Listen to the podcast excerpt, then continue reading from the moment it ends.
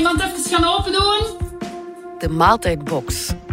Zo'n doos met ingrediënten om zelf een maaltijd klaar te maken kent een recordverkoop. Checken wat of alles erin zit. Dat is allemaal voor de frigo. Sla, sla, sla. Kruiden. Oh, radijsjes. En daar zit de coronacrisis natuurlijk voor iets tussen. Vis. Voilà, ik denk dat alles erbij is. Wat is de impact op onze eetcultuur? Zijn we er beter door gaan koken? En wordt de maaltijdbox na corona een blijver?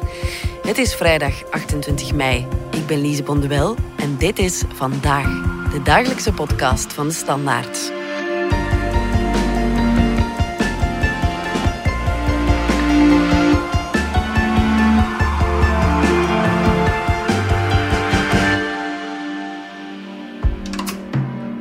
Doreen Knokkaert, chef van de Standaard Magazine. Jij was eerst uh, sceptisch hè, toen je de eerste maaltijdboxleveranciers een paar jaar geleden in ons land zag arriveren. Een echte foodie. Ja, koop toch geen maaltijdboxen? Of ben je ondertussen bekeerd?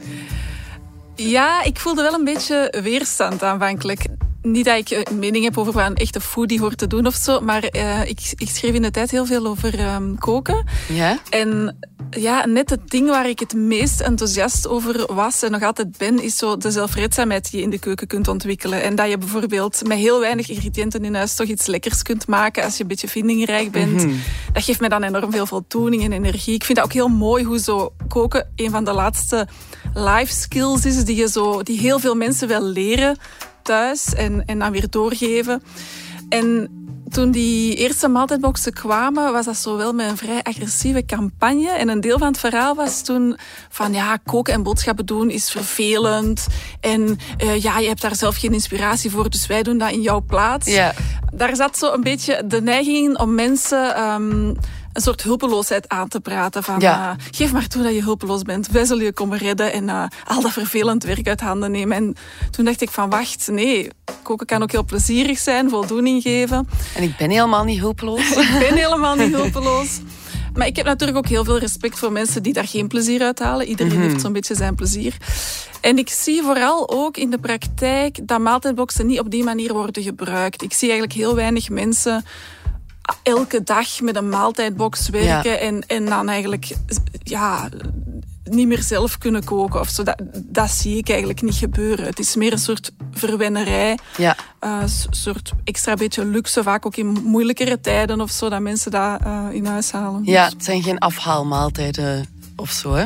Nee, nee, je moet natuurlijk nog wel koken. Je Mhm. moet eigenlijk vaak ja, meer koken zelfs dan wanneer je zo snel even uh, tortelloni kookt en uh, een handje rucola overstrooit of zo. Dus het is, wel, het is wel koken. En veel mensen leren er ook net beter van koken. Ja, en eh, zijn dat de zaken die jouw scepties hebben doen verdwijnen? Voor een stuk wel. Het hangt er maar vanaf hoe je het gebruikt. En ik zie dat dat bij veel mensen wel iets, iets plezierigs is. Ja, Ellen van Eindhoven, die in de intro al hoorde samen met haar 19-jarige dochter Luna, zij eet al zo'n twee jaar met haar gezin vier dagen per week een maaltijdbox. En wel om deze reden. Enerzijds omdat wij uh, een klein beetje beu waren om elke keer na te denken naar de winkel te gaan. Hè, zo die sleurtoestand, zo het klassieke argument wel. Uh, maar ook omdat we dan met pubers zo wel iets hadden van, dan kunnen die ook eens koken. Hè? Want als je die gewoon moet zeggen, ja, zoek het maar bij elkaar in de frigo. Hè? Want wij zijn niet zo van die klassieke, wij koken niet met een kookboek of we doen niet uh, inkopen om dan maandag eten we spaghetti en dinsdag eten we erwtenstoep of allee, weet ik veel wat. Hè? Zo niet het klassieke ding. Dus ja, voor zo'n frigo vol ingrediënten staan als puber, dan begin je daar niet echt aan. Terwijl dit is natuurlijk heel handig. Hè? Die hebben een handleiding en die pakken hun ingrediënten en die kunnen dan ook koken. Je kan je natuurlijk wel de vraag stellen, waarom kopen mensen eigenlijk een doos met een maaltijd die ze nog zelf moeten klaarmaken? Waar zit de fun dan eigenlijk? Ja, het is een beetje verwonderlijk. Ik denk dat er wel een stukje fun in zit, dat je iets nieuws leert kennen. Dat dat een groot deel van de fun is zelfs. Zo het moment dat die box toekomt en dat, dat er zo'n verrassingsgevoel is van wat hebben ze hier Ja. voor mij ingestoken. Dan zullen we even checken wat, of alles erin zit. En er, er zit vaak iets in dat jou een beetje uit je vaste patronen haalt. Of iets dat je zelf nog nooit hebt gekocht. Of kruiden waar je nog nooit hebt mee gekookt. Kookworkshops bijvoorbeeld of kookboeken zijn ook heel populair. Dat is ook iets waar veel mensen zo'n leuke uitdaging uit halen of een beetje nieuwe inspiratie. En ik denk dat die maaltijdboxen voor een stuk wel hetzelfde doen. Ja, ja. En door de coronacrisis ja, hebben nog meer mensen dan daarvoor de maaltijdbox ontdekt. Maar uh, ja, dat, dat, dat zal je waarschijnlijk niet verbazen. Nee, ik denk dat de maaltijdbox twee troeven had in de coronacrisis. Enerzijds dat je er niet voor naar de winkel moest in veel gevallen. Hè. Ja. Winkelen was nu eigenlijk echt wel niet leuk tijdens uh, corona. En ook zo dat beetje afwisseling. Hè. Iedereen heeft toch um, veel minder verrassingen in het alledaagse leven. Dingen die je anders zou je op restaurant al eens een nieuwe smaaksensatie of zo krijgen. Of, of verrast worden. Of jezelf een beetje verwend voelen. Of op reis heb je dat natuurlijk ook veel. Of als je bij vrienden gaat eten of samen met vrienden kookt. En dat, dat, dat viel nu allemaal weg.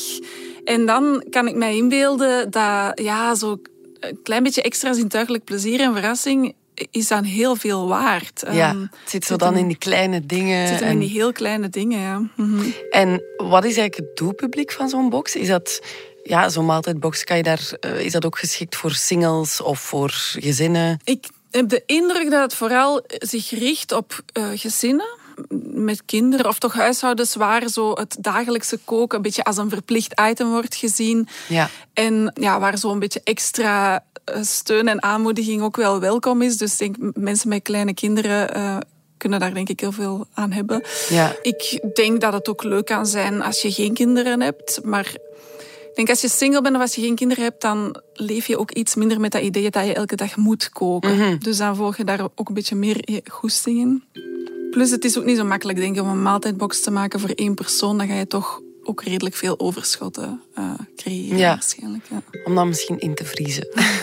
of, of daar dan een beetje geïmproviseerd mee te komen. ja. Dat is trouwens ook iets wel wat ik uh, hoor, dat de meeste mensen kopen geen maaltijdbox voor elke dag. Mm Die, je kunt bijvoorbeeld drie dagen per week of vier dagen per week een maaltijdbox bestellen en dan nog een extra dag uh, koken met de ingrediënten die je over hebt van al die maaltijdboxen. Ja. Of overschotjes eten of, of het weekend dan wel improviseren en je creativiteit meer volgen. En vind je het allemaal, allez, is het allemaal niet te duur voor wat je ervoor krijgt? Het is natuurlijk duurder dan wanneer je zelf prijsbewust inkopen doet. In principe mhm. kun je voor heel weinig geld lekker eten kopen en klaarmaken. Uh, maar dat vraagt ook wel weer redelijk wat aandacht. En ik denk als je het gaat vergelijken met een meer impulsieve manier van shoppen, dat je ook een keer per week takeaway doet, dat je ook eens iets zot koopt in de supermarkt, dan is het niet zo gek duur. en, mhm. en, je betaalt voor een stuk ook ja, voor het extra beetje verkenning of plezier of avontuur dat daar voor sommige mensen dan in zit. Dus ja, je moet het je kunnen permitteren, maar ik vind het niet schandalig duur of ja. zo. En je moet ook niet altijd nadenken elke avond over welk gerecht ga ik nu weer uit mijn hoed toveren. Maar daarbij... het is natuurlijk soms ook heel leuk om daarover na te denken. En dat is bij mij altijd zo dat stukje weerstand. Dat ik denk van, wacht, praat mensen niet aan dat dat per se erg is om na te denken over, over zoiets basics als koken. Dat is een soortgelijk plezier als nadenken over de inrichting van je huis of hoe je je tuin gaat aanleggen of welke kleren je gaat aandoen. Daar kun je ook allemaal advies in kopen, maar je, je wilt het ook wel voor een stukje zelf doen. Hè? Ja, dat is waar. Maar het geeft wel keuzestress. Bij mij dan toch. Hoe milieuvriendelijk is het? Het is nooit de meest milieuvriendelijke optie, denk ik. Omdat er extra transport, extra verpakking bij komt kijken. Mhm. Ehm, maar het hangt er maar vanaf wat je gewoon bent. Ik, ik zie bijvoorbeeld ook mensen die het gebruiken om vaker vegetarisch te beginnen koken. Ja, als, je dat thuis niet hebt geleerd, dan is dat wel zo'n beetje een opgave of iets waarin je soms wat extra inspiratie wilt mhm. hebben.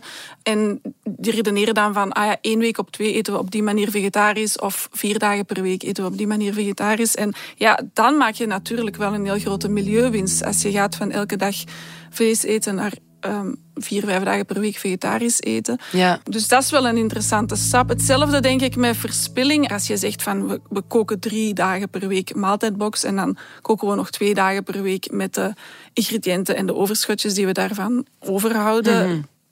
Dan is het best wel een interessante manier om ook weer overschotten te vermijden. Dus ja. het is, uh, Ik denk het grootste probleem is, is het, die transportketen die, net zoals bij heel veel e-commerce dingen, niet efficiënt is. Hè. Er moet meer gereden worden, dus ja, Ja. Dat, dat creëert meer uitstoot. En daarin valt wel iets te winnen als je bijvoorbeeld bij de supermarkt in je buurt die box kunt afhalen, wat nu al voor sommige boxen het geval is. Dan is dat ook al wel minder een, eh, een transportprobleem. En denk je dat die maaltijdboxen onze eetcultuur op den duur kunnen veranderen? Ehm, ik, ik denk dat maaltijdboxen wel dat potentieel hebben om ja, een bepaalde trends ingang te doen vinden. Maar natuurlijk, die aanbieders daarvan, dat is wel niet hun programma. Hè? Dus zij, Ja. zij volgen ook meer de vraag. Ik vind het misschien al bij al het, het meest van al een illustratie van, van de trend dat we, dat we maaltijden heel belangrijk zijn gaan vinden en dat daar ook wel een beetje eh, stress rond hangt. Dat je het misschien zelf allemaal niet goed genoeg weet of niet goed genoeg kunt. Ja. Maaltijdboxen versterken dat wel een beetje. Maar ja, echt een revolutie gaan we daar niet van verwachten. Nee, nee. Het is niet dat we dan daardoor meer hebben leren of andere dingen hebben leren klaarmaken, maar verrassend genoeg zit er ook heel veel variatie in die boxen. Ik denk dat wij nog nooit hetzelfde hebben gehad. Maar soms zijn het wel ook verrassende combinaties die dat je zelf misschien niet zou doen. Hè. Dus daarom zijn de ingrediënten niet raar, maar misschien wel... Ja, eigenlijk nu vanavond, zo'n lumpia, dat is mij niet vreemd. En een slaatje op zich ook niet. Maar als je de combinatie doet van die twee, ja, dat zou ik zelf niet bij elkaar scharrelen in de winkel om dat dan s'avonds klaar te maken. En is de maaltijdbox een blijver, denk je, ook na corona? Ik denk wel dat na corona mensen nog altijd maaltijdboxen gaan bestellen. En dat het, ook voor corona zag ik wel dat het ook zo soms iets periodieks is. Of dat mensen, als je bijvoorbeeld een heel drukke periode hebt in je gezin of op je werk, of je hebt een tijdje last van vermoeidheid of zo, dat je dan maaltijdboxen een tijdje neemt om zo wat extra energie eigenlijk Ja. te krijgen van iemand anders Ja. eh, in, in heel de huishouden. En ik vermoed dat dat zo gaat blijven. Dat mensen na corona misschien ook weer periodes hebben dat ze mm, vaker zelf gaan koken. Maar anderzijds gaan ze ook eh, weer vaker uit huis gaan werken en eh, minder thuis zijn. En Ja, net juist ook beroep doen op die maaltijdbox. ja. Ik vind het heel vergelijkbaar met ehm, autorijden met een GPS. En dus ene keer dat je dat kunt, alleen nee, dat je dat doet, kun je precies niet meer zonder. Hè? Terwijl je al die jaren daarvoor wel je weg hebt gezocht, of je hebt het dan gevraagd, of je doet dat een beetje intuïtief, hè? of je vindt dat dan niet erg om een beetje om te rijden. En nu, ja, dat koken is een beetje hetzelfde. Van, je staat echt te lezen, snipper de uit. Terwijl dat je denkt, allee, hier ligt een ajuin, ja, die zou wel moeten gesneden worden. Hè? Maar je doet dat echt zo belachelijk, allee, ik het toch, eh, ja, belachelijk juist dan zo. Ja. Is het voor jou een blijver, de maaltijdbox? Voor mij is een maaltijdbox geen blijver. Ik heb een tijdje eh, maaltijdboxen getest uit, uit nieuwsgierigheid en ook omdat ik daar dan een stuk voor de krant over ging schrijven. Um, Ja. En ik moest wel toegeven dat ik dat ook. Het is een beetje het plezier van een cadeautje krijgen. Hè? En, en open doen, kijken wat daarin zit. Eh, Ja. Iets anders doen dan wat je uit gewoonte zou doen, is toch wel vaak plezierig. Dus ik had daar wel plezier van. Maar het is geen blijver, omdat ik het gewoon te leuk vind om eigenlijk zo een plantrekker te zijn in, in de keuken. Die, ehm, die een beetje volgens de goesting van het moment kookt. Of die er zo niet te veel spel van maakt. Ja, ja, ja, ja. Nee, dat is mooi. Doreen Knokkaert, bedankt voor dit gesprek. Graag gedaan. We zijn zo terug na de reclame. Wie kernenergie hoort, denkt aan grote centrales met gigantische reactoren. Maar wist je dat kerntechnologie ook gebruikt wordt om net mini muggen te steriliseren? Ga mee op reis naar de kern van kerntechnologie in de boeiende podcastreeks Naar de Kern. En ontdek alles over de toepassingen van nucleaire technologie in de landbouw en op ons voedsel. Beluister Naar de Kern via nucleairforum.be podcast of via Spotify. Laten we ook eens kijken naar het economische aspect. Pascal Sertijn van onze economieredactie. Wat blijkt, de Vlaming heeft nog nooit zoveel maaltijdboxen besteld als tijdens de coronacrisis. Ja, inderdaad. eh, De lockdown, eh, de sluiting van de horeca en ook het vele thuiswerken heeft ervoor gezorgd dat heel wat mensen gaan zoeken zijn naar manieren om thuis makkelijk te eten. En uh, zo zijn die maaltijdboxen in zicht gekomen. De groei is bijzonder spectaculair. Vergeleken met 2019, dus 2020 ten opzichte van 2019, is de omzet maal drie gegaan. In euro's gerekend van 15 miljoen euro naar bijna 48 miljoen euro. Dat lijkt veel, maar aan de andere kant, het is nog maar een, een beperkt gedeelte van de, van de Belgen die een maaltijdbox eh, bestellen. Want men schat dat ongeveer 4% van de gezinnen vorig jaar tenminste één maaltijdbox besteld hebben. Ah ja, oké. En hoe is de koek op dit moment eigenlijk verdeeld onder de maaltijdbox-aanbieders in ons land? Wel, dus eigenlijk één grote marktleider en dat is HelloFresh. Dat is een, een Duits bedrijf. Die hebben meer dan 40% van de markt in handen. Dat wil nog niet zeggen dat de Belgische bedrijven geen rol van betekenis spelen. Foodback is de nummer twee. En die hebben ongeveer een, een 30% van de markt in handen. En opmerkelijk is dat de nummer drie een supermarkt is. Uh, dat is de supermarktgroep Carrefour. Er is eigenlijk keuze zat in België. Uh, er zijn heel veel aanbieders van maaltijdboxen. Bijvoorbeeld Pascal Nasens heeft zich ook op de maaltijdboxenmarkt uh, gestort. Jeroen Meus, de televisiekok, samen met Foodmaker, een, een dat al vrij groot is. Dus, dus ja, keuze genoeg. -hmm. En hoe doen onze Belgische aanbieders het eigenlijk? Wel, die, die doen het eh, vrij goed. Uh, als je ziet naar Foodback, dat is de nummer twee. Uh, en die groeien ook heel sterk. Ik heb nog eens met de topman gebeld van het bedrijf. En uh, ja, in 2019 ten opzichte van 2020, ja, dat is ook bijna maal vier in omzet. Dus dat, dat groeit als kool om, om een beeldspraak te gebruiken. Hoe komt het eigenlijk dat het vooral een Duits bedrijf is die de Belgische markt domineert? Wel, HelloFresh is een bedrijf dat al een hele poos actief is. Eigenlijk waren ze bij de pioniers. Het bedrijf bestaat al uh, meer dan tien jaar. En ja, het heeft ook heel veel geld achter zich staan. Het is niet zo dat het een bedrijf eh, is dat opgericht is door foodies of, of een kok. Het is opgericht door mensen met uh, diploma's, economische diploma's. Ze besteden veel aan marketing. Ja, ze zijn ook gegroeid door overnames. Uh, dus dat is, dat is echt een, een economische logica dat daarachter zit en, en, die ervoor zorgt dat het bedrijf heel sterk gegroeid is uh, de voorbije tien jaar. Want hoe ziet hun businessmodel er eigenlijk uit van zo'n maaltijdboxaanbieders?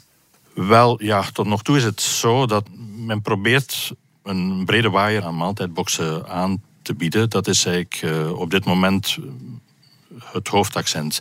Maar wat je ziet is dat een heleboel van, of verschillende maaltijdboxbedrijven, HelloFresh bijvoorbeeld, maar ook bijvoorbeeld Foodback, die zijn eigenlijk een, een, tweede stap aan het zetten. Namelijk, zij bieden niet alleen maaltijdboxen aan, maar ze beginnen ook meer en meer verswaren aan te bieden. Het is al een voorbeeld in Nederland, en dat is Picnic. Dat is eigenlijk een online verswaren supermarkt. En uh, ja, dat is een, een behoorlijk groot succes. En bedrijven zoals HelloFresh en ook Foodback, die dromen ervan om uit te groeien tot een online verswaren supermarkt.